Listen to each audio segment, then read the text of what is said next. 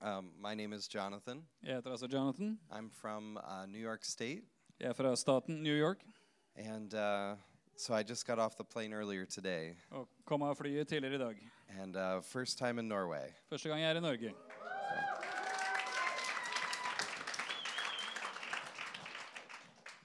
I've I've been looking forward to this. Jeg gleda meg til å komme hit.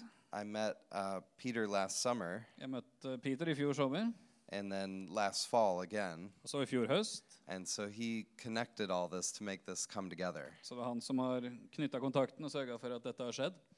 Um, we are coming off of the Easter weekend, Så nå er vi altså i ferd med å avslutte påskehelga. and uh, so tonight is sort of your Easter service Så i kveld er på en måte påskegudstjenesten deres. because you didn't have one yesterday. For dere hadde ikke en i går. So we're carrying it over a little bit. Så vi f følger opp det med påske fortsatt.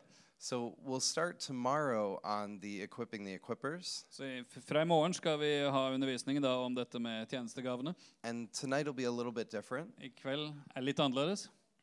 Um, how many of you have grown up in Christianity more than the last 10 years? Hvor mange av dere har vært kristne mer enn ti år? av dere som er her inne? Okay, a little more than half. Litt over halvparten, ja. So uh, I grew up in Christianity, Jeg vokste opp i kristenheten. um, fifth generation believer. Femte generasjons troende. Uh, my parents met and married at a Bible school. Foreldrene mine traff hverandre og ble gift mens de gikk på bibelskole. So I grew up really knowing the stories and, and the Bible. Så jeg vokste opp, og jeg kjente historiene, jeg lærte Bibelen å kjenne. And eventually, I actually started to not like Easter. Og etter hvert så begynte jeg å ikke like påske. It was very religious, For det var veldig religiøst. at least in my background. I hvert fall i min bakgrunn. It was one of those Sundays where everybody dresses up a lot more Det var en sånn søndag hvor alle kledde seg enda finere. and they're much more stuffy and proper. Og de var enda mer oppstilte og fromme. And I felt like there's something not celebratory about this. Og jeg bare merka at det er noe som ikke akkurat er veldig feirende i dette her. It was like we were performing harder for Easter. Akkurat som vi prøvde å prestere enda mer fordi det var påske. A few years ago, Så for noen år siden um, my eyes started to open så begynte øynene mine å åpne seg to some insights about Easter, når det gjaldt innsikt i det med påske. and it really changed my view. Og det forandra virkelig min måte å se på påsken på. And so I, I want to share some of those insights with you tonight. Så jeg har lyst til å dele noen, noen av de innsiktene i kveld. Now, if you're if you're one of the newer believers, Hvis du er en forholdsvis ny troende, maybe you don't have that that perception of Easter, kanskje har ikke du den oppfatningen av påske som jeg kommer fra. and that's wonderful. Og det er jo veldig bra. But if if you've grown up in the church, Men hvis du er oppvokst i menighet, then it might just feel like, oh, here we go again, another Easter. så er det lett å tenke OK, så var det på'n igjen. Enda en påske. I've heard this story, I know this story. Jeg har hørt den historien, jeg kan den.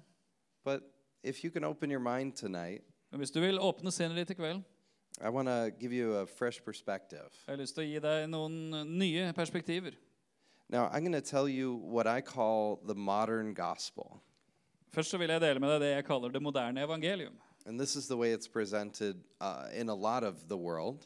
Og sånn presenteres evangeliet i mange deler av verden. But you'll have to tell me if you recognize this. Og Så må du si om du kjenner igjen dette her. So, a courtroom scene opens, Vi må se for oss en scene i en rettssal. and there's God the Father sitting as the judge. Og så er det Gud Faderen som sitter på dommersetet. And you are condemned to execution. Og du har blitt dømt til henrettelse. And Jesus comes in and stands next to you Så kommer Jesus inn, han stiller seg ved siden av deg and says, I'll take his punishment, og sier 'Jeg vil ta hans straff, and you get to go free. og så kan du gå fri'. Have you heard this story? Ha- Har du hørt den historien? Ja. We probably sent it over to you. Vi har antakeligvis sendt den over fra oss til dere. This, this is the modern presentation of the gospel. Dette er en moderne evangeliepresentasjon. Does anyone notice anything wrong with it? Er det noen som legger merke til noe som er feil i dette?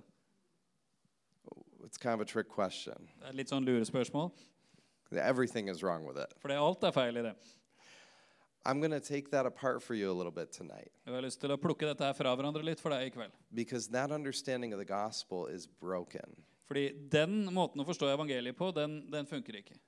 See, the first 1,100 years of church history, Fordi de første 1100 årene av kirkehistorie there was a perspective of the gospel. så var det ett perspektiv på evangeliet. And then it began to change in the 1100s. Men så ute på 1100-tallet så begynte dette å forandre seg. And it, it had a little change in the 1100s, Det ble litt forandring på 1100-tallet, but it was then changed dramatically in the 1500s. men så ble det forandra dramatisk på 1500-tallet. Some of the reformers in the 1500s, Noen av reformatorene på 1500-tallet, their background was that they were lawyers. bakgrunnen deres var jurister. And so, with that perspective, Og med det som bakgrunn they put the gospel through a lawyer's perspective. så s- viste de evangeliet gjennom synspunktet til en advokat. So, the modern presentation of the gospel, the good news, Så den moderne framstillingen av evangeliet, de gode nyhetene, comes through the eyes of a lawyer. får du gjennom øynene til en jurist. And the original perspective, Mens det originale perspektivet, for the first 1,100 years, de første 1100 årene, was a relational perspective, var et relasjonsperspektiv. a family perspective. Et familieperspektiv. Very different. Og det er veldig forskjellig. So, the, f- to really get the, the modern gospel, to really understand it, For virkelig å forstå dette moderne evangeliet, it's not just that Jesus takes your place and you get to go, så er det ikke bare det at Jesus tar din plass, og du går fri. but then Jesus goes through this horrific death, Så går Jesus gjennom denne forferdelige døden, and you add in a few verses, og så legger man til noen vers. like Jesus on the cross saying, My God, my God, why have you forsaken me? Som at Jesus på korset sier, 'Min Gud, min Gud, hvorfor har du forlatt meg?' And that perspective of understanding that Og måten å forstå det på says that God the Father had to turn away from the Son. sier at Gud, Faderen, måtte vende seg bort fra Sønnen. He could not look at the sin that Jesus was carrying. Han kunne ikke se på synden som Jesus nå bar. And in Isaiah 53, Og i Jesaja 53 it says that it pleased the Father to crush him. så står det at eh, behaget Faderen å knuse ham. What do we do with a verse like that?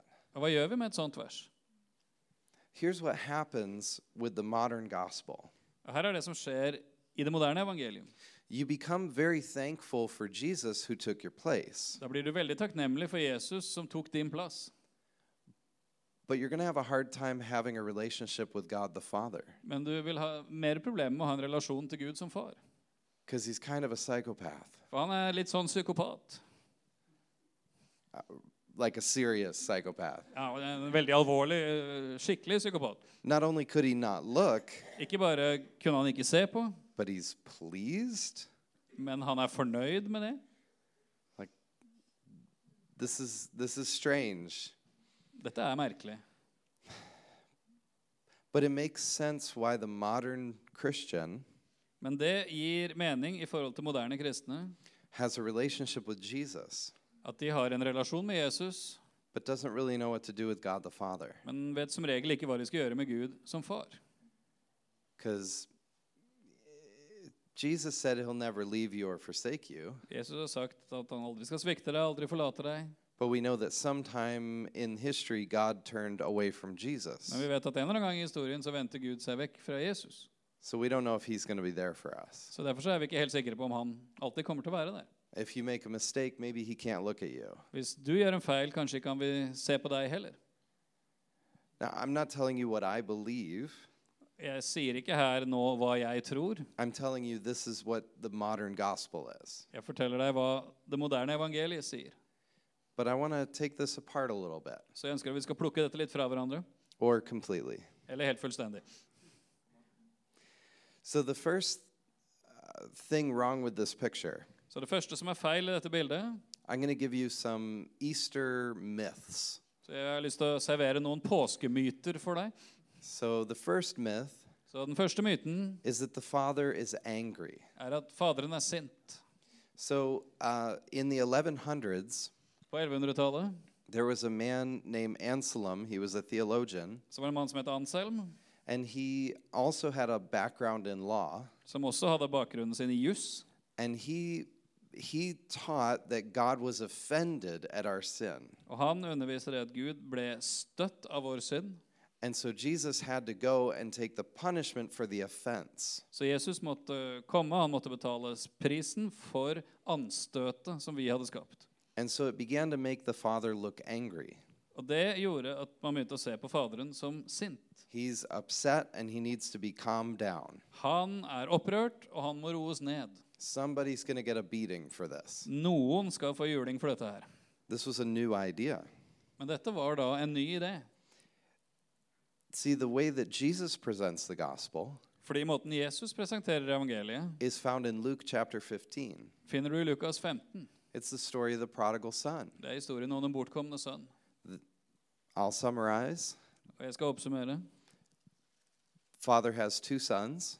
En far har to sønner. The younger son says, I want my inheritance. Den yngste sier 'jeg vil ha min del av arven'. He gets it and he leaves home. Han får det, han drar hjemmefra. He goes out and lives a wild life Drar vekk, lever et vilt liv, and a shameful life, et skamfullt liv.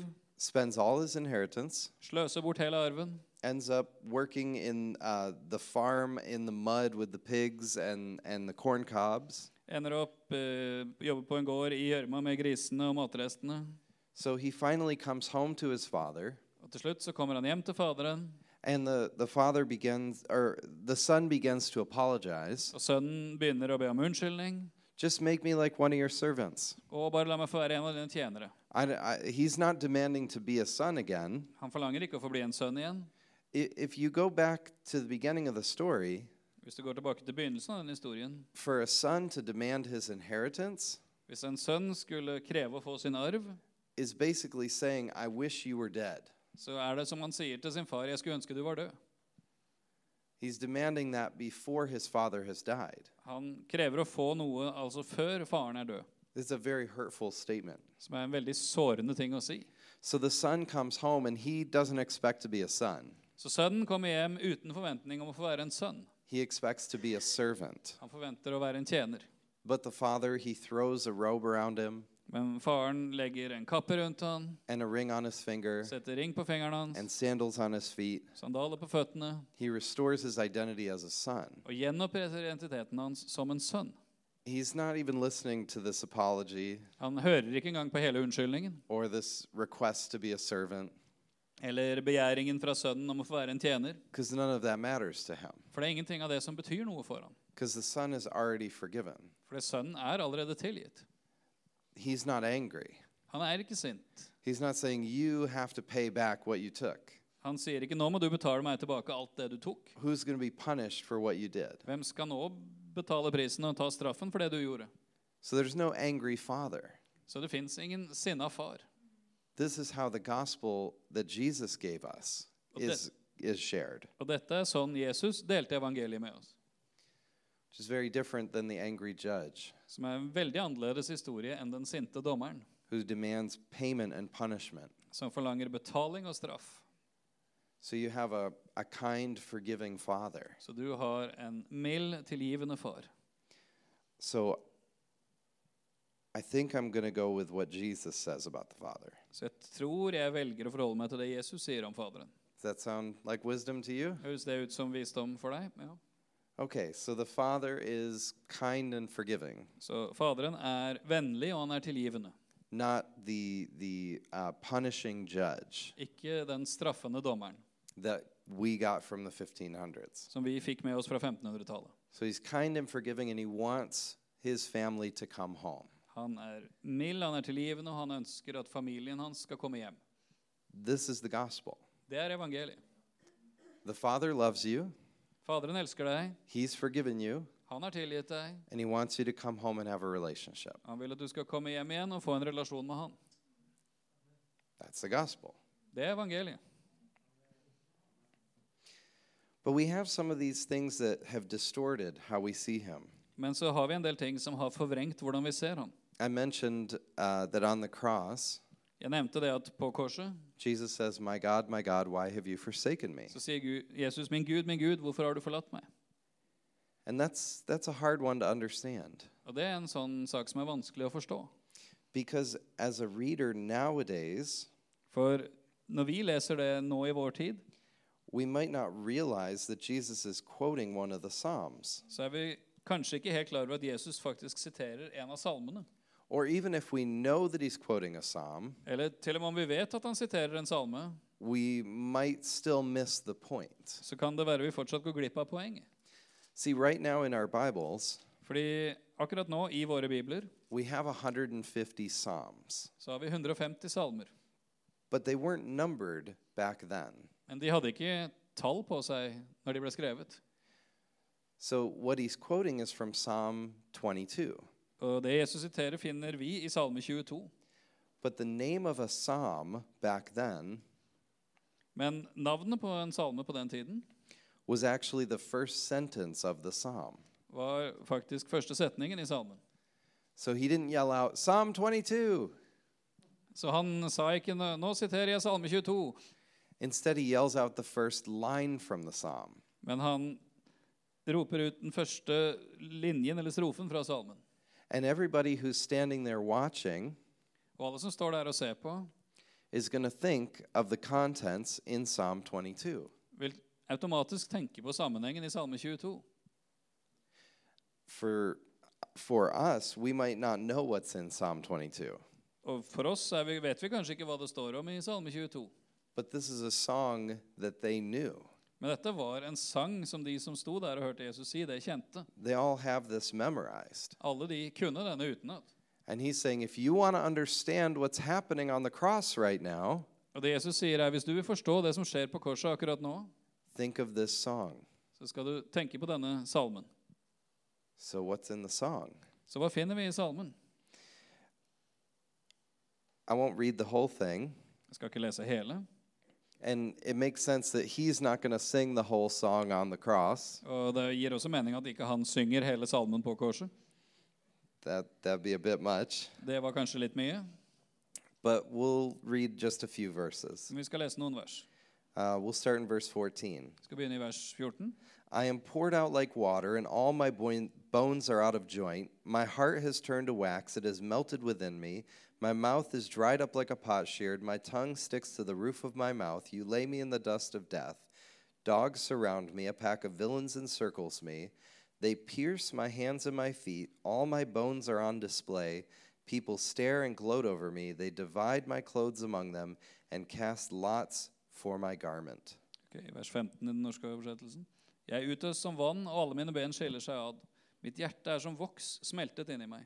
Min kraft er opptørket som et potteskår, og min tunge henger fast ved mine gommer. I dødens støv legger du meg.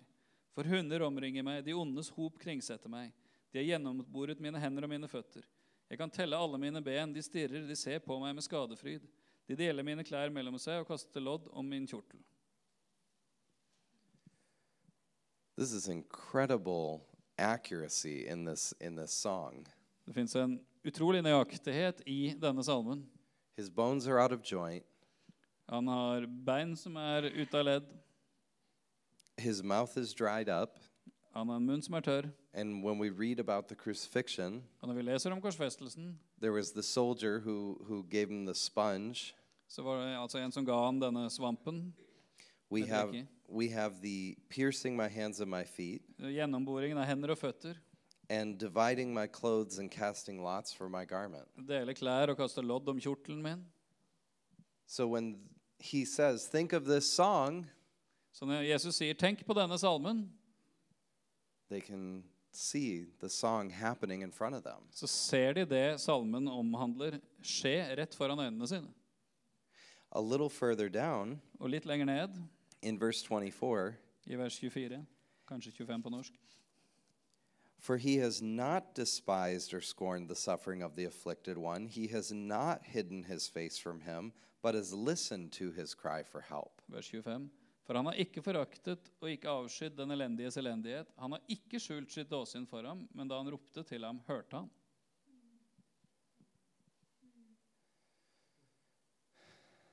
The exact opposite of what we have believed. Nøyaktig det motsatte av det vi har trodd. He has not turned his face from him. Han har ikke ikke vendt sitt ansikt bort fra ham. But we only thought, he said, Why have you forsaken me? Men vi tenker bare at han sa, 'Hvorfor har du forlatt meg?' But that's him saying, Think of the song. Men det er hans måte å si 'tenk på hele denne salmen'. And in the song, he says, He's not turned away from me. Og i selve salmen så sier han at han har ikke vendt seg bort fra meg. Changes your perspective on the Father. Det gir et forandra perspektiv på Faderen, which is really valuable for us. som er veldig verdifullt for oss. Yes, we, we want relationship with Jesus For vi vil gjerne ha relasjon med Jesus and the Holy Spirit, og Den hellige ånd, but the Father has been distorted by the modern gospel. men Faderen har, har, har blitt skapt et vrengebilde av av det moderne evangelium. And I want us to get back to the point that we can have relationship without these concerns. Og jeg vil at vi skal komme tilbake til det punktet at vi kan ha en relasjon uten å være bekymra for disse tingene. As you finish the psalm, Og hvis du ser mot slutten av salmen, the last few verses, de siste versene, Jesus is basically telling them what he's doing on the cross. så forteller Jesus de helt enkelt hva han gjør på korset. Uh, we'll read the verses in a moment, Vi skal lese disse versene om et øyeblikk. but what he's saying Men det han sier, is that he's taking over the world. er at han skal overta verden. And he ends by saying, It is finished. Og han avslutter det hele med å si at det er fullbrakt. Starting in verse 27. Så hvis vi begynner i vers 28 i den norske All the ends of the earth will remember and turn to the Lord, and all the families of the nations will bow down before him. For dominion belongs to the Lord, and he rules over the nations. All the rich of the earth will feast and worship, all will go down to the dust, will kneel before him, those who cannot keep themselves alive. Posterity will serve him, future generations will be told about the Lord. They will declare his righteousness. Uh, they will proclaim his righteousness, declaring to a people yet unborn, He has done it. fra vers 28. Alle jordens ender skal komme det i hu og vende om til Herren, og alle hedningenes etter skal tilbe for ditt åsyn. For riket hører Herren til, og han hersker over folkene. Alle jordens rikmenn skal ete og tilbe. For, for hans åsyn skal de bøye seg, alle de som stiger ned i støvet, og den som ikke kan holde sin sjel i live. Etterkommerne skal tjene ham. Det skal fortelles om Herren til etterslekten. De skal komme og kunngjøre hans rettferdighet for det folk som blir født, at han har gjort det.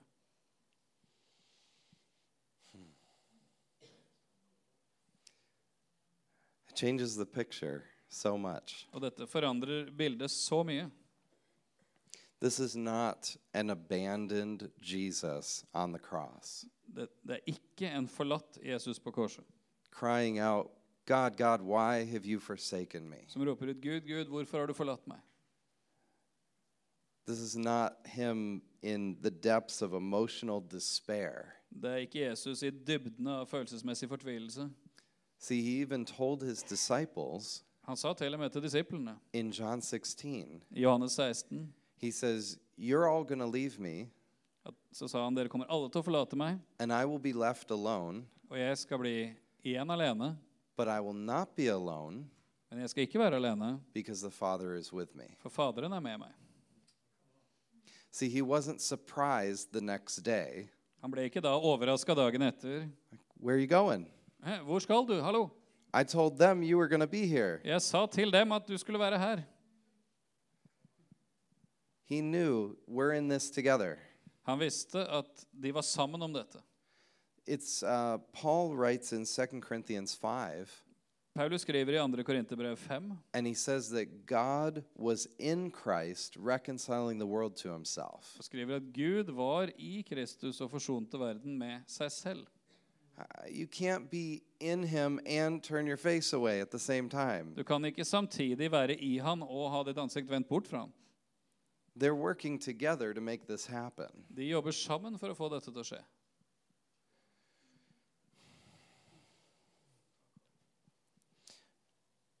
Our third myth Tredje myten is that the Father punished sin. er at Faderen straffet synden. Now, your financial system might be different here, Kanskje er øko det økonomiske systemet annerledes her, So hopefully this picture will work for you. Men forhåpentligvis så funker dette bildet for dere. But we're going to pretend for a minute that, that I'm a bank Nå skal vi late som om jeg er en bank, and Steiner is going to buy a home. og Steinar skal kjøpe seg et hus. And he's going to come to me to get a mortgage. Og så kommer han til meg for å få et lån. Now, what's, a, what's an average mortgage here? What's that going to cost? Og hva er et gjennomsnittlig huslån her? Hva, hvor mye? Give me a number. Three and a half million. That's totally normal. Ja, så 3,5 millioner kroner. Helt normalt. That sounds very expensive. okay. Yeah, yeah. Exchange rate. So. okay, so he comes to get three and a half million dollars from the bank, Så Steinar kommer for å få 3,5 millioner i lån fra banken. or crowns, we'll say. Ja, eh, ja. Kroner, ja. Ikke dollar, nei. nei ja, ja, det, It's a very nice home. ja, veldig fint hus. Doing something other than pastoring, I see. Så du driver med mer enn menighetsledelse? Altså, ja, ok, ja. Ja. and I say, okay, it's going to be a 20 year mortgage, Så jeg sier ok, det blir et lån over 20 år, and you're going to pay every month, og du skal betale hver måned. and we make an agreement. Og så inngår man en avtale. So 20 years goes by, Så går det 20 år, and he has faithfully paid every single month. og han har betalt trofast hver måned. He's paid every every cent of this bill. Han har betalt hvert øre av denne regningen. And he's expecting a letter from the bank Og så forventer han å få et brev fra banken and it will say paid in full. som sier at nå er gjelden betalt til fulle. He might frame it and put it on the wall. Det kan være han rammer det inn og henger det på veggen. I did it. Ja, greit det. So he doesn't get a letter that says paid in full. Men så får han ikke et brev som sier at alt er betalt. Instead, he gets a letter from me Isteden så får han et brev fra meg that says your debt has been forgiven. som sier at gjelden din har blitt ettergitt. But are you getting your money back? Men, eh, Betyr det at du får penga igjen, eller? No. Nei. You paid it, Du har betalt for det, but but I'm forgiving the debt. men jeg ettergir deg gjelden. But I'm going to keep all your money. Og så beholder jeg alle pengene dine. But I forgive your debt. Men jeg, jeg, jeg ettergir deg gjelda. Thank you for the money. Tusen takk for pengene. Do you see the contradiction? Ser du motsetningen her? Paying a debt and forgiving a debt, you can't have both. Du kan ikke både betale en gjeld og ettergi en gjeld. It's either one or the other. Enten så får du det ene, eller så får du det andre. So, did Jesus pay your debt Så betalte Jesus din gjeld, or did God forgive your debt? eller etterga Gud din gjeld? It's not both. Det er ikke begge. We've been taught from the lawyer's perspective Vi har blitt undervist fra advokatens perspektiv that Jesus paid your debt. at Jesus betalte din skyld. We think of verses out of Romans Vi tenker på vers i romerbrevet. the wages of sin is death. Syndens lønn er døden. And then we make a huge jump Og så foretar vi et langt sprang, as if Jesus paid those wages for you, som om Jesus da betalte de, syndens lønn for deg. which isn't what it says in Romans. Som ikke er det det står i romerbrevet. It just says if you sin, you get a wage, and the wage is death. Det som står, er at hvis du synder, så får du en lønn, og den lønnen er døden. Colossians chapter 2 Kolosserne kapittel 2 makes it very clear for us gjør dette veldig klart for oss. whether it's payment or forgiveness. Om dette er betaling eller tilgivelse.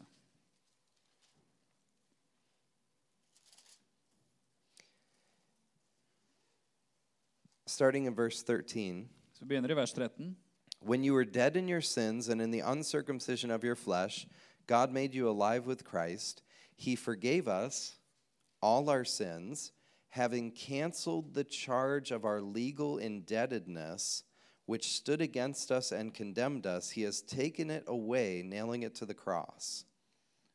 Også dere var døde ved deres overtredelser og uomskårne kjød. Men Gud gjorde dere levende sammen med Kristus idet han tilga oss alle våre overtredelser. Han utslettet skyldbrevet mot oss, som var skrevet med bud, det som gikk oss imot. Det tok han bort da han naglet det til korset.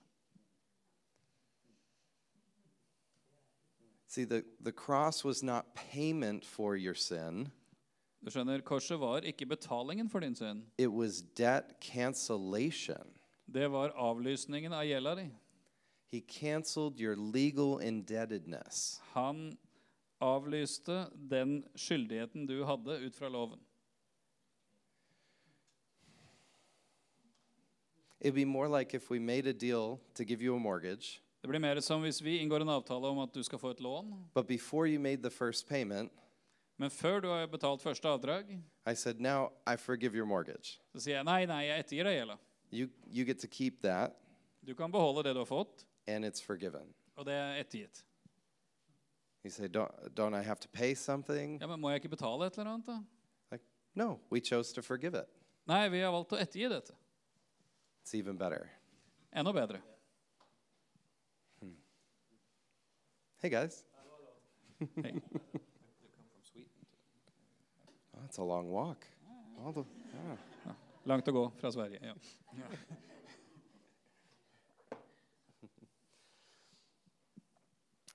There's a big difference between whether he punished sin or forgave sin. Det er en stor forskjell på om han straffet synden eller tilga synden. How many of you are parents? Hvor mange her inne er foreldre? How many of you have punished sin in your house? Hvor mange av dere har straffa synd i, i ditt hus? I understand. Jeg, jeg, jeg forstår den. And sometimes you forgive sin in your house. Og noen too. ganger så tilgir du synd i ditt hus også. There's a difference. Men det er en forskjell, And, and it shows us something about the heart of the Father. og som viser oss noe om Faderens hjerte. And a forgiving Father Og en tilgivende far fits with the prodigal son story. passer med bildet i historien om den bortkomne sønn. It connects with that Father who is forgiven. Det er skape kontakt med den Faderen som er tilgivende. He doesn't punish the son when he comes home. Han straffer ikke sønnen når han kommer hjem. You're going to be a servant for two years. Du skal være en tjener i to år. You're going to get sunburned. Du skal bli solbrent. It's going to be rough. Det skal bli tøft. Then I might accept you back in. Og så kan du kanskje få lov å komme tilbake inn igjen. It's not the punishing Father. Han er ikke en straffende far. So, number four, Nummer fire. it pleased the Father to bruise him. Det behaget Faderen å knuse han.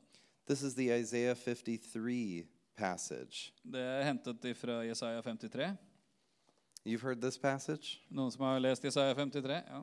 Uh, we don't really know what to do with it Vet ikke helt hva vi skal gjøre med det, because it doesn't sound like Jesus. for det høres ikke helt ut som Jesus.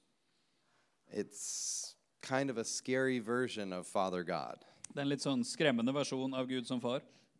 And it's Isaiah 53, verse 10. Jesaja 53 og vers 10. And my translation, it says, It was the Lord's will to crush him and cause him to suffer. Og I hans oversettelse står det, men det var Herrens vilje å knuse ham og, og sørge for at han led. But this is my English translation. Men det er min engelske oversettelse. And I know your translation might be a little different. Og kanskje er deres norske oversettelser annerledes. And all of these are coming off of a Greek translation. Men alle disse kommer igjen ut fra en gresk oversettelse. It's a book called the Septuagint. En bok som kalles Septuaginta. And what we have in our modern languages Og det vi har i våre moderne språk, has gone through layers of translators. har vært gjennom flere lag med oversettelser.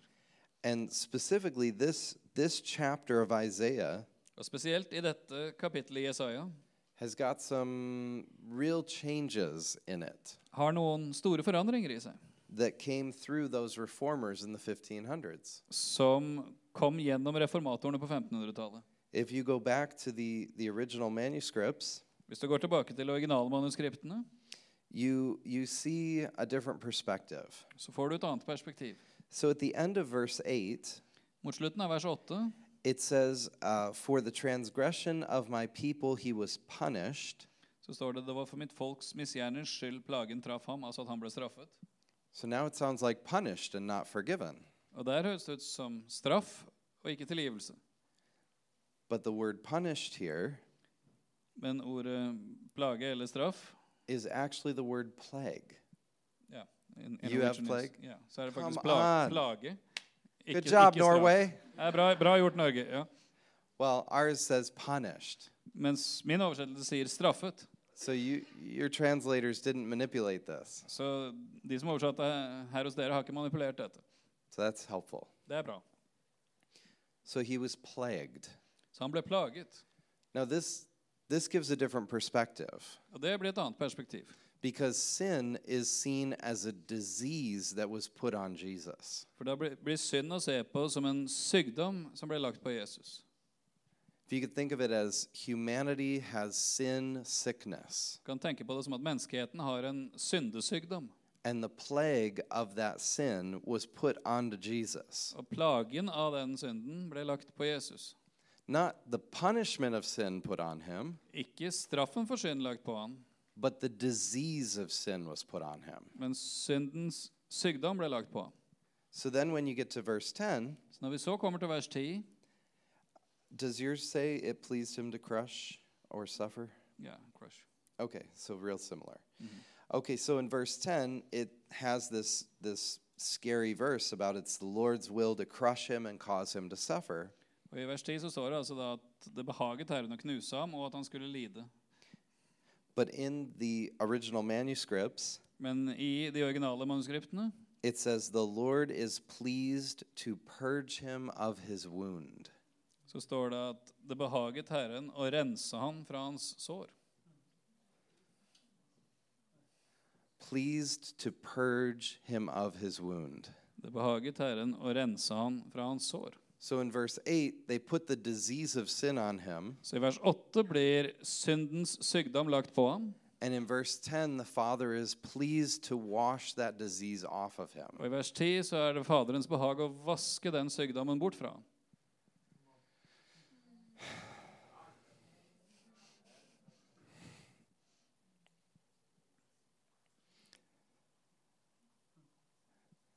See how many of these distortions we have. For vi har mange sånne forvrengninger Could really mess up your Easter.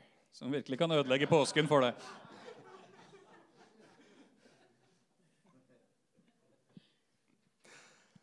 All right, number five. Så nummer fem We must plead for forgiveness. Vi må bønnfale for å få tilgivelse. Now, depending on how religious you grew up, Alt avhengig av hvor religiøs din bakgrunn og oppvekst er. you may have gone to a church in the past Kanskje har du gått i en eller annen menighet tidligere where you had to come forward and, and kneel every week hvor du måtte komme fram og knele hver uke and repent for whatever you did in the last six days og omvende deg fra alt du har gjort de siste seks dagene, before your heart would even let you sing the songs. før hjertet ditt kunne tillate seg å synge sangene. Because you come in carrying all this, this yuck. Fordi du kommer inn og du bærer all denne gørra med deg. You're like, I don't know, I I can't sing and I'm dirty right now. Jeg kan ikke synge, for jeg er uren og skitten akkurat nå.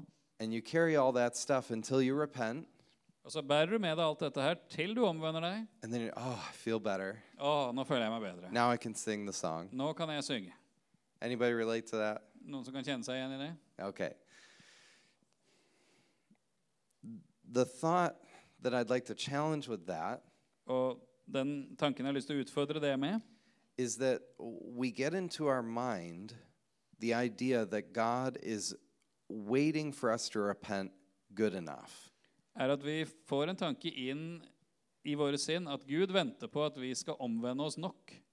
He's looking and he's saying, Well, Han ser på oss, og så sier han vel you apologized for that last week. Ja, du ba om tilgivelse for det i forrige uke også. And then you did it again. Og så gjorde du det igjen.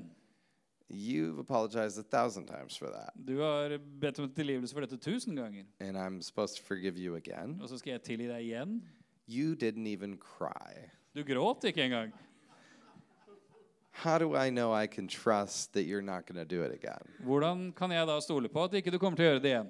So in your heart, you're like trying to convince him, Så i ditt hjerte prøver du å overbevise han. come on, like it'll really work this time. Og det skal funke denne gangen. If you could forgive me one more Sunday, Bare tilgi meg én søndag til, this might be the last time. så er dette kanskje siste gangen. Any of you know what I'm talking about? Er det noen her som skjønner hva jeg Ja. snakker om? Ja. Here's, here's the truth, though. Mens sannheten er noe helt annet. 1 John chapter 2 verse 2 says, 1. Johannes 2,2 sier "He died not for our sins only, han døde ikke bare for våre synder, but for the sins of the whole world." men for hele verdens synder.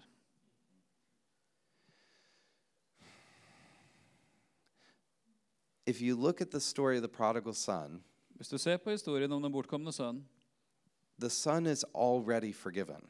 så er sønnen allerede tilgitt. I- I, I call it pre-forgiven. Jeg jeg kaller det altså at han er pre-tilgitt, altså tilgitt på forhånd. You were forgiven before you sinned, Du ble tilgitt før du synda, while you sinned, mens du synda, after you sinned. etter du synda. Forgiveness was already there. Tilgivelsen var der allerede. This is where some people go way off into bad doctrine Og det er her noen sporer helt av i dårlig l- lære. because they say, well, if everybody's already forgiven, For de sier, konkluderer da hvis alle allerede er tilgitt, then why do we even need to preach the gospel? hvorfor må vi da forkynne evangeliet? Because hell will be filled with people that were forgiven. Fordi helvete kommer til å være fylt opp med mennesker som var tilgitt. See, let's say that there was another son in the prodigal son story, La oss si at det var en sønn til i denne historien om den bortkomne sønnen. a third one we never heard of. Han tredje vi aldri hørte om. We'll call him Bob, Han heter Bob. good American name. Bra amerikansk navn. And Bob went out and took his inheritance too, Og Bob han fikk sin arv, og han reiste av gårde. but he never came home. Men han kom aldri hjem. Bob was forgiven Bob var tilgitt. because this father is a loving, pre forgiving father. For denne faderen han er kjærlig, og han har tilgitt på forhånd. But that father isn't going to make Bob come home and live with him. Men den faderen kommer ikke til å tvinge Bob til å komme hjem og bo hos ham. He's not going to violate his free will.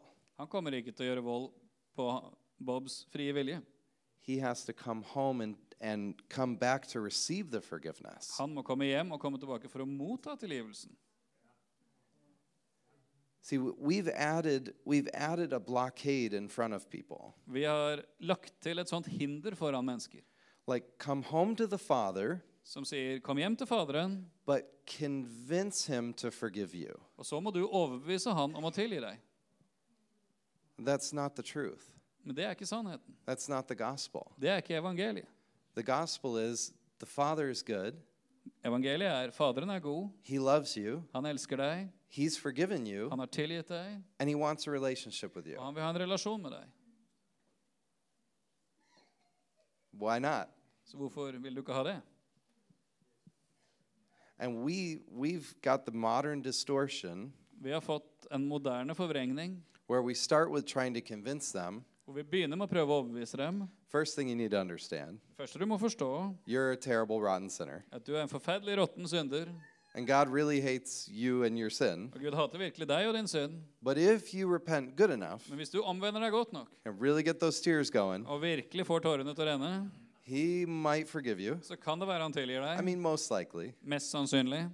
And then if you come to church, Og hvis du så kommer til kirka, then you can get to know Him. så kan du bli kjent med han. See, the story's a little different nowadays. Så skjønner jeg en litt annerledes historie i vår tid. A little different than you have a good, loving father back home, Mm, En veldig annerledes enn en du har en god, kjærlig far der hjemme. and he misses you and he wants you to come home, Han savner deg, han vil du skal komme hjem. and he's already forgiven you. Og han har allerede tilgitt deg. Just come home and have that relationship. Bare kom hjem igjen og få den relasjonen. Yeah, but I've done all these terrible things. Ja, men jeg har gjort alle disse forferdelige tingene. Yeah, he took care of that. Ja, men han har ordna opp i det. But maybe I'll have to just be a servant in his house. Ja, kanskje jeg må bare være en tjener hjemme hos han. No, what do you who told you that? Nei, hvem har sagt at du må det? Some other Christian. Noen annen kristne har sagt det. Ja, mm. See, we got we got pretty far from the prodigal son story. For vi kom, beveget oss langt vekk fra historien om den bortkomne sønn. We are pre-forgiven. Vi er tilgitt på forhånd.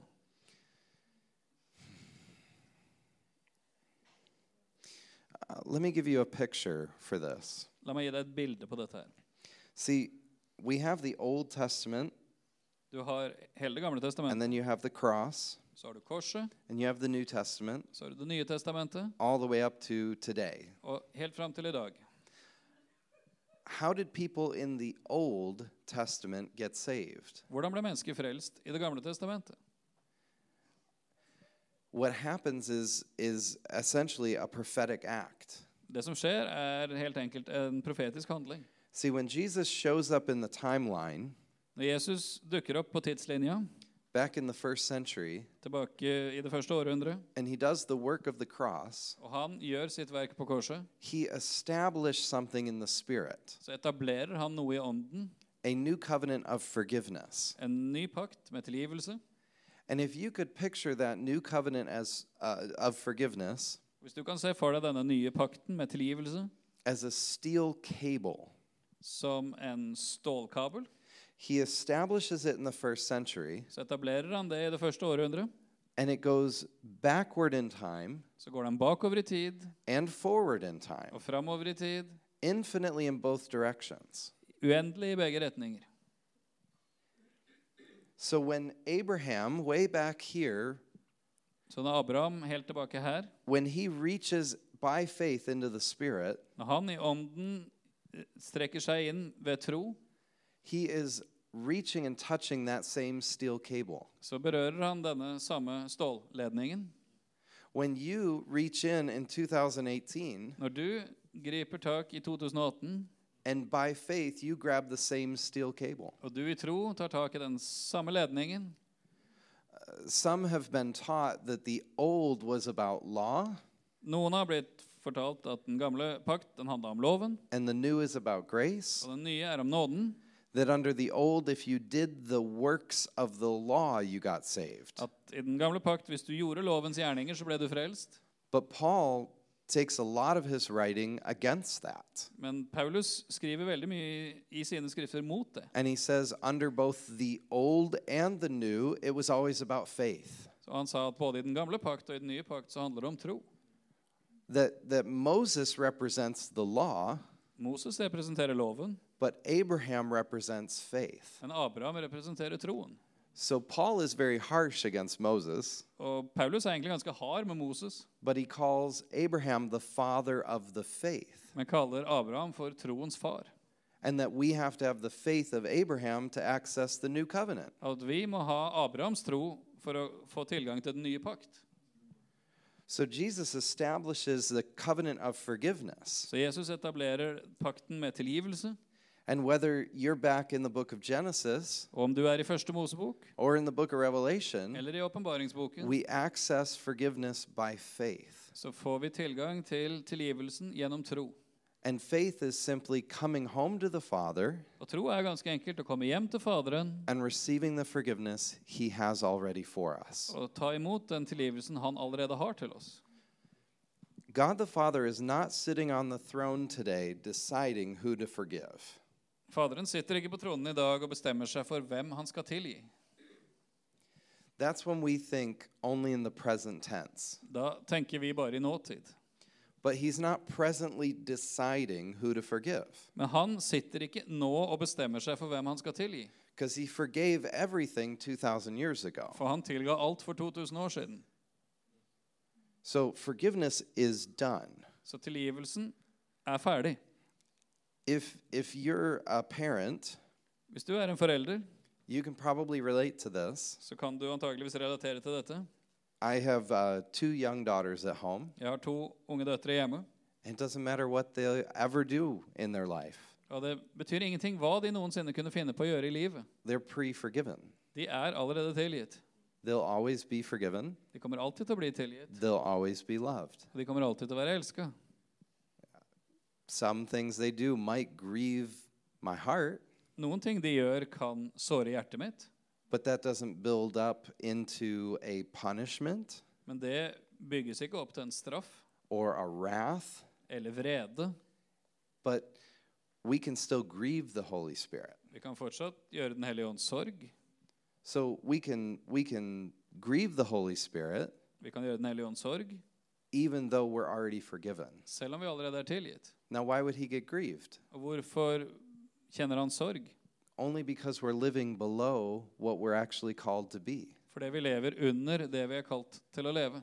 When you see a child, your child, living below who they really are, Når du ser ditt barn leve langt under det de er ment å være, and you say, that, honey, that's not who you are. og da sier du ja, men kjære, det er ikke den du er. You're bold and powerful and strong. Du er sterk og mektig. You're not meant to live insecure and in fear. Det er ikke meninga at du skal leve i usikkerhet og frykt. But as far as sin is concerned, Men når det gjelder synden, you're already forgiven. så er du allerede tilgitt. So now we have to live as forgiven people. Og da må vi leve som tilgitte mennesker. Peter talks about this in 1 Peter, Og I 1. Peters brev så snakker Peter om dette, where he says that we have been made free, hvor det står at vi har blitt gjort fri, but now let us live as free men. så la oss nå leve som frie mennesker. You don't put yourself back into slavery to sin. Du plasserer ikke deg sjøl tilbake i slaveriet til synd.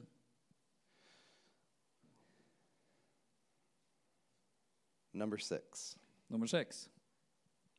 you are a sinner saved by grace. Du er en synder frelst av nåde. You have this saying too. Har dere hørt det òg? We probably sent that over here too. Vi har antakeligvis sendt det over til dere, det òg.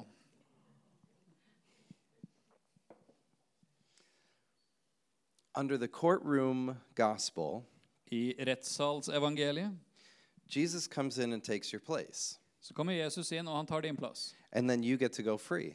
Og da går du fri.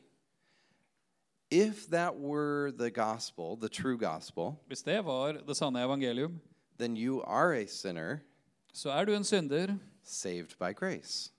frelst av nåde. That makes sense. Det gir mening. But that's not what happened. Men det er ikke det som skjedde. If we were to use that courtroom for a minute, Hvis vi skal bruke dette rettssalsbildet et øyeblikk, you're standing in front of the judge. så står du foran dommeren, Jesus comes in and stands next to you. så kommer Jesus inn og står ved siden av deg You're like, oh, I'm glad you're here. og sier 'Å, så bra du er her. So do I get to go now? Så kan jeg gå nå?' He says, no. Og Jesus sier 'Nei, What are you talking about? hva er det du snakker om?' Well, somebody told me you were going to take my place. 'Ja, men noen har sagt at du skal ta plassen min.' No, I'm not going to take your place. 'Nei, jeg skal ikke ta plassen din.' Who told you that? Hvem har sagt det? Uh, I don't know. «Nei, En eller annen, ja. Paul writes in Galatians 2:20, Paulus skriver i Galaterne 2,20 I have been crucified with Christ. 'Jeg er korsfestet med Kristus'. So Jesus comes in and stands next to me Så Jesus kommer inn, stiller seg ved siden av meg with a big weird grin on his face. med et stort, merkelig smil om munnen Says, "We're both going to die." og sier 'Nå skal vi dø, begge to'. You're like, uh, "Okay. Ok. How does that help me?" Og hvordan hjelper det meg? Well, he's going to resurrect us both. Og han skal vekke oss opp, begge to. So Romans 6 Så Romerne 6 Romans 6 says that we were united with him in his death, sier at vi ble forenet med han i hans død, and we will be re- we're also united with him in his resurrection. og vi er også forenet med han i hans oppstandelse. So he didn't take your place. Så han tok ikke din plass. I know I know that we've heard this that Jesus took our place. Jeg vet vi har hørt dette. Jesus tok min plass. He did not. Men han gjorde ikke det. That's not what the Bible Det says. er ikke det Bibelen sier. It says he joined you, Det står at han var der sammen med deg. that you were crucified with him. At du ble korsfestet med ham. You both go into the grave, Begge går i graven. you both come out of the grave. Begge kommer ut av graven. That's how you become a new creation. Og det er sånn du blir en ny skapning. If Jesus comes in and takes your place and lets you go free, Hvis Jesus kommer inn, tar din plass og lar deg gå fri, how'd you become a new creation? hvordan blir du da en ny skapning? You walk out a sinner saved by grace Da går du ut som en synder frelst av nåde. because nothing about you has changed. For da er det ingenting som har forandra i deg.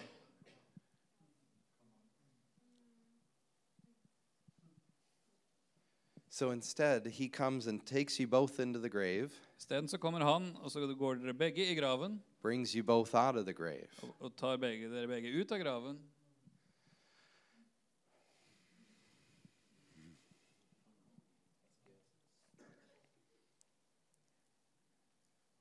Add another detail here.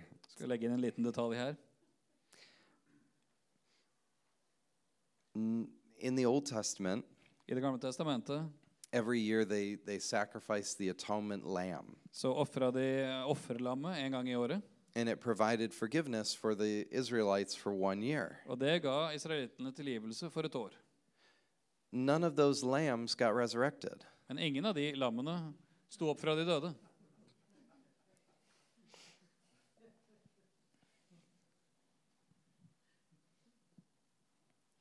What if Jesus hadn't been resurrected? Hva om Jesus ikke hadde stått opp fra de døde? What if you had a Good Friday, but you didn't have an Easter? Hva om du hadde langfredag, men ikke første påskedag? You'd still be forgiven. Du ville fortsatt være tilgitt. The death and bloodshed of the Lamb provides forgiveness. Fordi døden og utøstelsen av blodet til lammet gir tilgivelse. The Old Testament lambs never had to be resurrected. Lammene i Det gamle testamentet måtte ikke stå opp igjen. So Jesus did something extra. Så Jesus gjorde noe ekstra. He didn't want you just forgiven, Han ville ikke at du bare skulle bli tilgitt.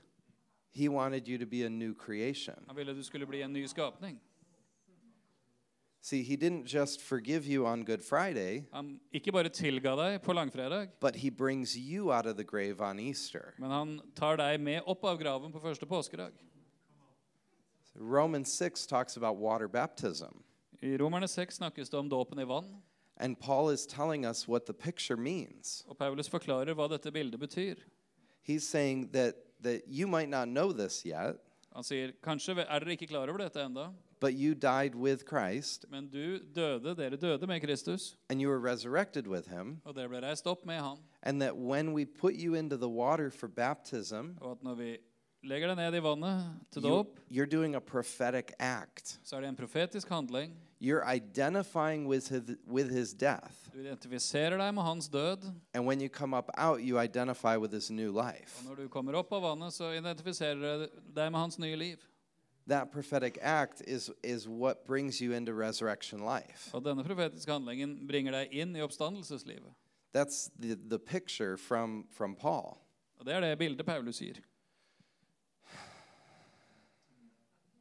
See, we, we haven't thought through the Old Testament picture versus what Jesus did. Vi har ikke tenkt igjennom bildet i Det gamle testamentet i forhold til hva Jesus gjorde. None of those sheep in the Old Testament were ever whipped and beaten. Ingen av de sauene i Det gamle testamentet ble slått eller piska.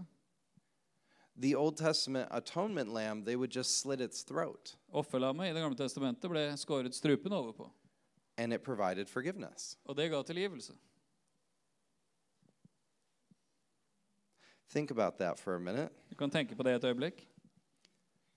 Do you know if, if Jesus had just had his throat slit, you'd be forgiven? Vet du at Om Jesus bare hadde fått strupen skåret over, så hadde du blitt tilgitt. He did a lot of extra that we haven't thought about. Men han gjorde en hel masse ekstra som kanskje vi ikke har tenkt over. You remember the Christmas story Du husker julefortellingen?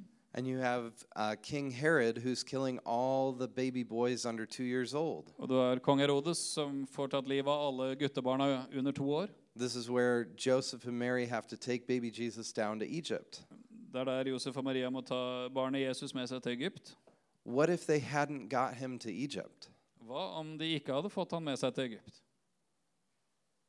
You know, a two year old Jesus would have still been able to provide forgiveness by his blood for the whole planet. En to år gammel Jesus ville for det ved sitt blod kunne gi tilgivelse til hele planeten.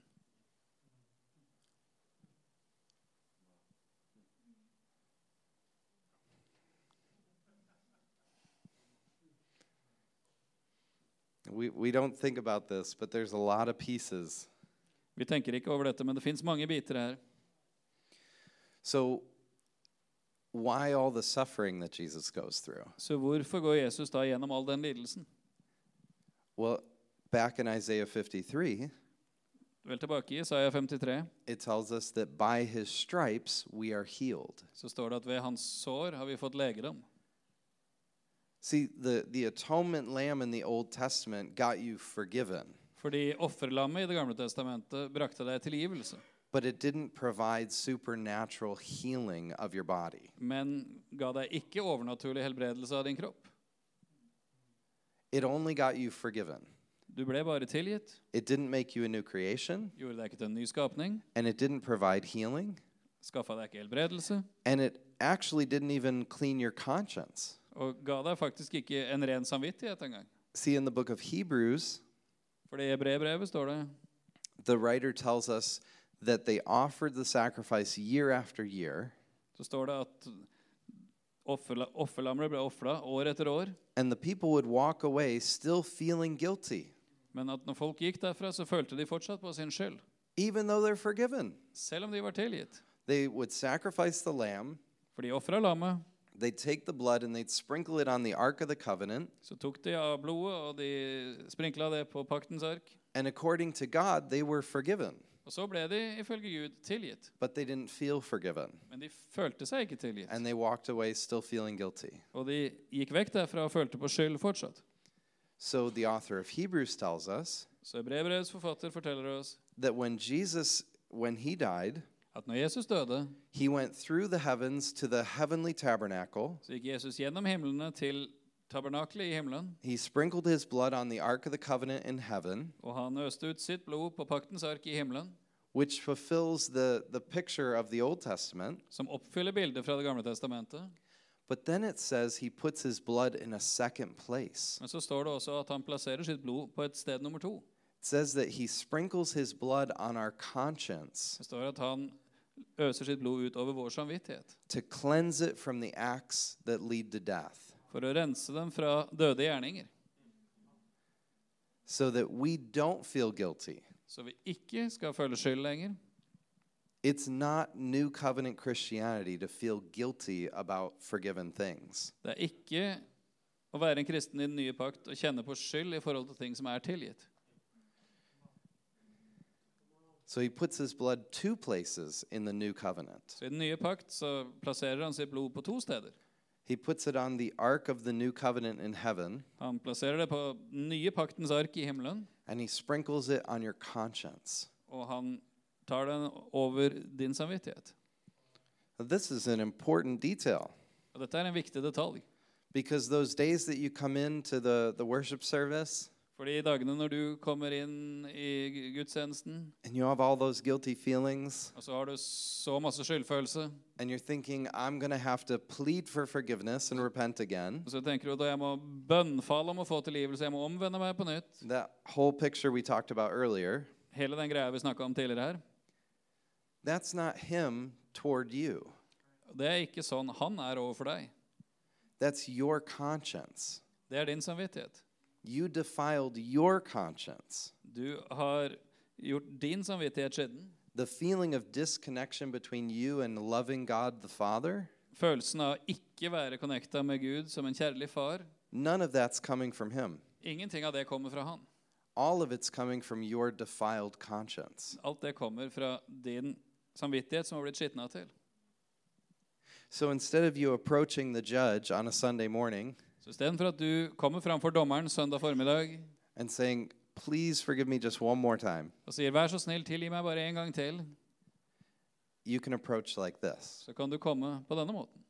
Father, I thank you that you've forgiven me. Far, jeg takker at du har tilgitt meg. I receive that Jeg forgiveness. tar imot den tilgivelsen. And I ask that you'd sprinkle the blood on my Og jeg conscience ber at du skal stryke blodet over min samvittighet to cleanse it from all that junk, og rense den fra all søpla, all that guilt and condemnation. all skyld og fordømmelse. I know you don't want me carrying that around anymore Jeg vet at du ikke vil at jeg skal bære på det, because it's separating us. for det skiller oss fra hverandre. That, that little feeling of relief when we get up to the altar and we repent, Den lille følelsen av lettelse når vi kommer fram og bøyer kne og omvender oss, is not that the God that God the Father has turned his heart toward us er ikke fordi Faderen har vendt sitt hjerte mot oss, because it was never turned away, for han har aldri vendt det vekk. but it's us finally feeling the conscience lift. Men det er det at vi kjenner at det letter fra samvittigheten. But if we knew what we were actually doing, Men hvis vi visste hva vi virkelig holdt på med, we could just deal with the conscience directly så kunne vi ta tak i det med samvittigheten med en gang. and put the blood on it again. Og bare anvende blodet på samvittigheten igjen. See, he sprinkles it once on the Ark of the Covenant in heaven, Han øser ut blodet én gang på paktens ark i himmelen, but the sprinkling on your conscience is ongoing. men at blodet blir brukt på samvittigheten din, er noe som pågår. Every time you defile it again, Hver gang du gjør samvittigheten din skitten igjen, you just need a fresh little wash of your conscience. så trenger du en ny, frisk vask av samvittigheten.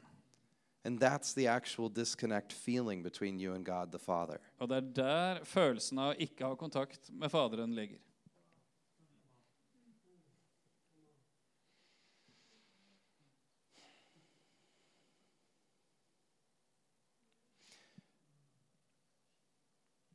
There's so many things that, that happened at the cross. Det er så mange ting som skjedde på korset.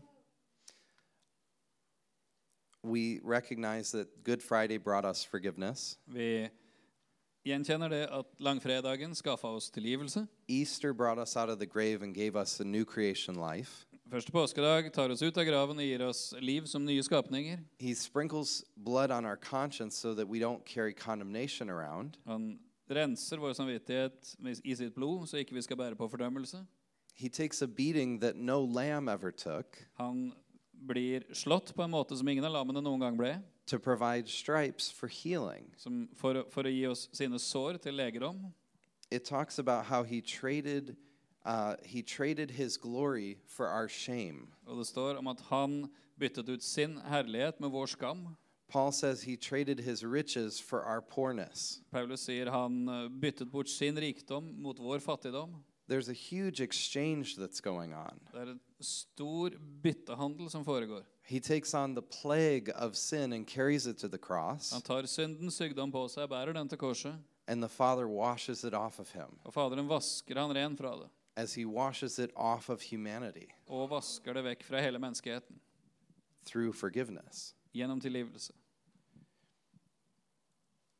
So, number seven, Så nummer sju, and this will be my final shift for you, og dette er siste tankeforandringen, was that uh, it's a myth to believe at det er en myte å tro på that Jesus' resurrection surprised the devil.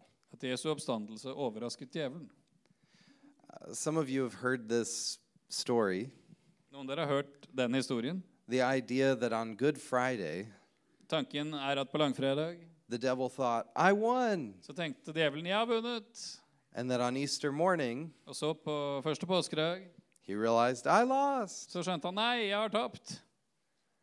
Uh, that's not what happened. Men det er ikke det som skjedde. When you go back to Matthew chapter 18, Når du går tilbake til Matteus 18, you have this story of Jesus and Peter, så har du historien om Jesus og Peter. and Jesus predicts his death, Og Jesus forutsier sin død. and Peter says, No, my Lord, it'll never happen like that. Og Peter sier, 'Nei, herre, det må aldri skje deg'. And what does Jesus say to him? Hva sier Jesus til ham? Get behind me. Vik bak meg, Satan. In that moment, Satan is operating through what Peter's saying, I det øyeblikket så opererer Satan gjennom det Peter sier, trying to keep Jesus from going to the og cross. prøver å holde Jesus vekke fra korset. Don't do it. Ikke gjør det. You're going to mess everything up. Du bare roter alt til. The devil's not trying to get Jesus to the cross. Djevelen prøver ikke å få Jesus til korset. He's trying to keep him from the Han cross. prøver å holde ham vekk fra korset. He read Psalm 22. Han har lest Salme 22. He's no dummy. Han er ikke dum. He knows what's going on. Han vet hva som skjer. It says that Jesus, he set his face like flint to go to Jerusalem. Det står at Jesus gjorde ansiktet sitt hardt i bestemmelse på å gå til Jerusalem. That God the Father is in Christ reconciling the world to himself. At Faderen i Kristus forsoner verden med seg selv. See, the Father and Son have a plan Fordi Faderen og Sønnen har en plan to get to that cross. å komme til det korset. See, some people they, they see the prayer in the Garden of Gethsemane Noen ser bønnen i Getsemanehagen, almost like a fight between the father and son. akkurat som en kamp mellom Faderen og Sønnen. Like, Dad, is there any other way? Så, pappa, fins det noen som helst annen mulighet? I'm going to ask you three times. Jeg skal be deg tre ganger. Is there any other way? Fins det noen annen mulighet? Not your will, but not, not my will, but your will be done. Ikke min vilje, men din vilje skje. And they see it like Jesus is really struggling against the father's idea here. Og Det virker som om Jesus kjemper mot Faderens idé her. Like the father's got an idea and the devil's trying to make it happen. Som om Faderen har en idé som djevelen vil få til å skje, And Jesus is the one guy who's really not on board with this. og Jesus er han som ikke helt er med på dette her. I don't think that's what's happening here. Jeg tror ikke det er det som skjer her. I think he's at that moment at the, the night before the crucifixion's going to happen. Jeg tror at på det punktet kvelden før korsfestelsen, And he knows the plan. så vet han planen, And he's just asking the Father one more time og han spør bare Faderen en gang til. Is there any other way we can accomplish the plan? Fins det noen annen måte vi kan fullføre denne planen på? Because this looks really painful. For dette ser virkelig smertefullt ut. Is there just like a, a lamb and then I could resurrect it? Finnes, kan vi finne et lam som jeg kan vekke opp igjen? That's not a good idea. Nei, er ikke det en god idé? Uh, okay. Ok. Is there, could we do it? To, could we crucify Peter? Kan vi korsfeste Peter?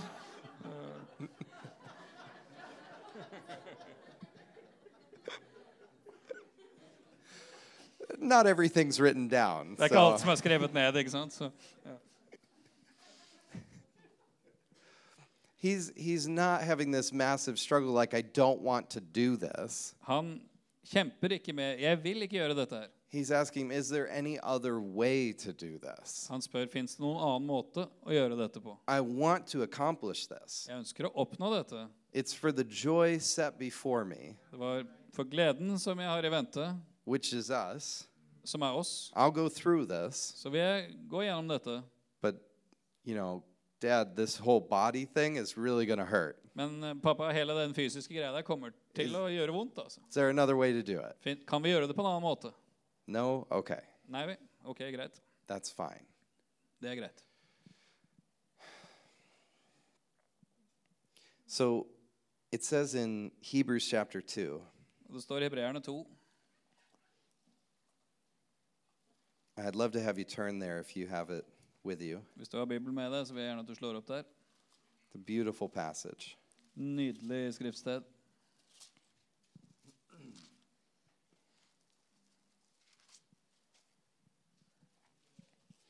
We're going to look at verse 14 and 15. Skal vi se på vers 14 og 15 i Hebreerne 2.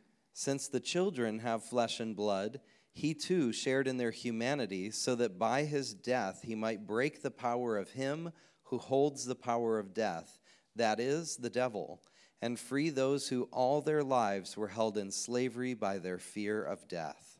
Da nå barna har del i kjød og blod, fikk han også på samme vis del i det, for at han ved døden skulle gjøre til intet den som hadde dødens velde, det er djevelen, og utfri alle dem som av frykt for døden var i trelldom hele sin livstid. I picture it like the Trinity is in heaven one morning. Jeg ser for meg dette som at treenigheten er i himmelen en morgen. The Father, Son, and Holy Spirit are sitting around the kitchen table.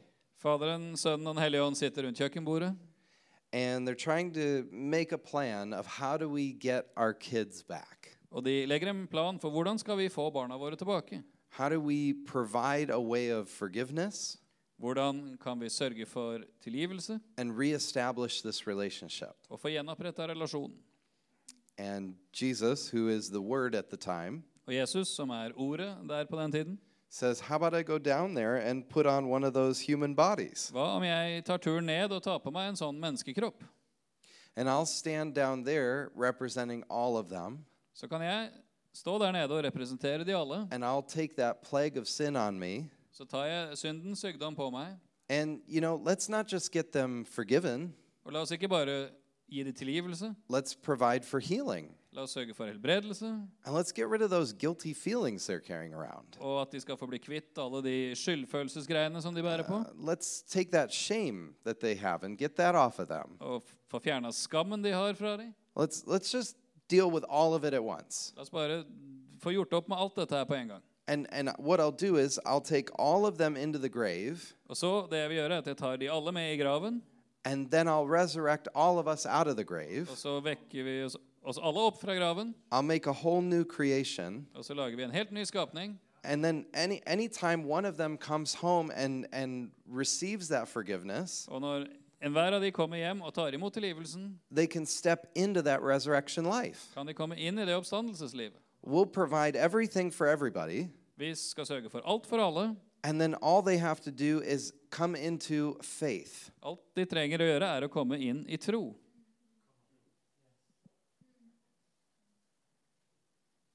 The end. Slutt. This is a very different gospel, Det er et veldig annet evangelium. but it fits with the gospel Jesus gave us. Men det passer med evangeliet som Jesus ga. It fits with the prodigal son story. Det passer med historien om den bortkomne sønn. It's not the courtroom and the lawyer scene. Det er ikke rettssalen og advokatperspektivet. There's not an angry father Det fins ikke en sint far that you have to convince to forgive you. som du må overbevise om at skal tilgi deg. The gospel is the Father and the Son welcoming everyone home. Evangeliet er Faderen og Sønnen som ønsker alle velkommen hjem. Would you stand? Så la oss reise oss. Place, uh, place your hands on your heart. I Yep. want to pray over us. Bare legg en hånd på hjertet ditt, så skal, vi, skal jeg be over dere. Over oss. Father, I thank you that you're a good father. Far, jeg takker deg at du er en god far. I thank you for your heart toward humanity, Jeg takker for ditt hjerte for menneskene. your heart of forgiveness and love, Ditt hjerte av tilgivelse og kjærlighet, and calling lost sons and daughters home. og at du kaller de bortkomne sønnene og døtrene tilbake. If you've had uh any of these distorted views of the Father, Hvis du har hatt eh, noen av disse forvridde bildene av hvem Faderen er, together we just say, I'm sorry, Dad. så bare sier vi 'Jeg er lei meg, pappa. I didn't understand your heart, Jeg har ikke forstått ditt hjerte. I didn't see it clearly. Jeg har ikke sett det tydelig. and I want to get to know you more. Og jeg vil lære deg å kjenne mer. That you and Jesus love me the same. At du og Jesus elsker meg helt likt. Father, I just bless your people tonight Far, jeg velsigner ditt folk i kveld with a fresh perspective of you med et nytt syn på deg and a renewed relationship. og en fornyet relasjon. And for any of those consciences that still need cleansing, Og for enhvers samvittighet som fortsatt trenger renselse, we just ask for that sprinkling of blood to cleanse us. så ber vi at ditt blod skal øses ut og rense oss. And just let that wash over you. Bare la det få skylle over deg. Fresh, clean conscience. En frisk, ny, ren samvittighet.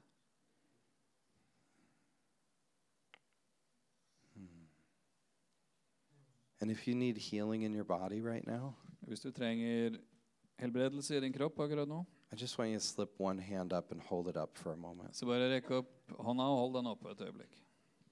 So, Father, every hand that's raised right now, Så far, for hver hånd som er rukket opp akkurat nå, healing has already been provided. så er helbredelse allerede skaffet til veie. And by reaching up, we grab it by faith. Og ved å rekke oss opp, så griper vi det i tro. And I, I just release that healing grace into your body Og jeg forløser Guds helbredende nåde inn i din kropp. as you receive it by faith, Og, og du tar det imot i tro. that your health would be restored. At helsen din skal gjenopprettes. I bless you with wholeness and health right now. Velsigner deg med helhet og helse akkurat nå. Some of you will feel warmth go down your arm. Noen vil kjenne at det går varme ned gjennom armen din. Some of you, it'll feel like a tingling going down your arm. Noen vil kjenne at det prikker ned gjennom armen din. That's It's just the effect of the Holy Spirit on your body. Det er bare effekten av Den hellige ånd på kroppen din. Thank you, God, for your healing. Takk, Gud, for din helbredelse. Father, I just bless all of these new creations here. Far, jeg velsigner enhver ny skapning her. I thank you that you didn't just provide forgiveness, Og jeg takker for at du ikke bare sørget for tilgivelse, but you made us completely new people. men har gjort oss til fullstendig nye mennesker. I bless them in Jesus' name. Og jeg velsigner det i Jesu navn. Amen. Amen.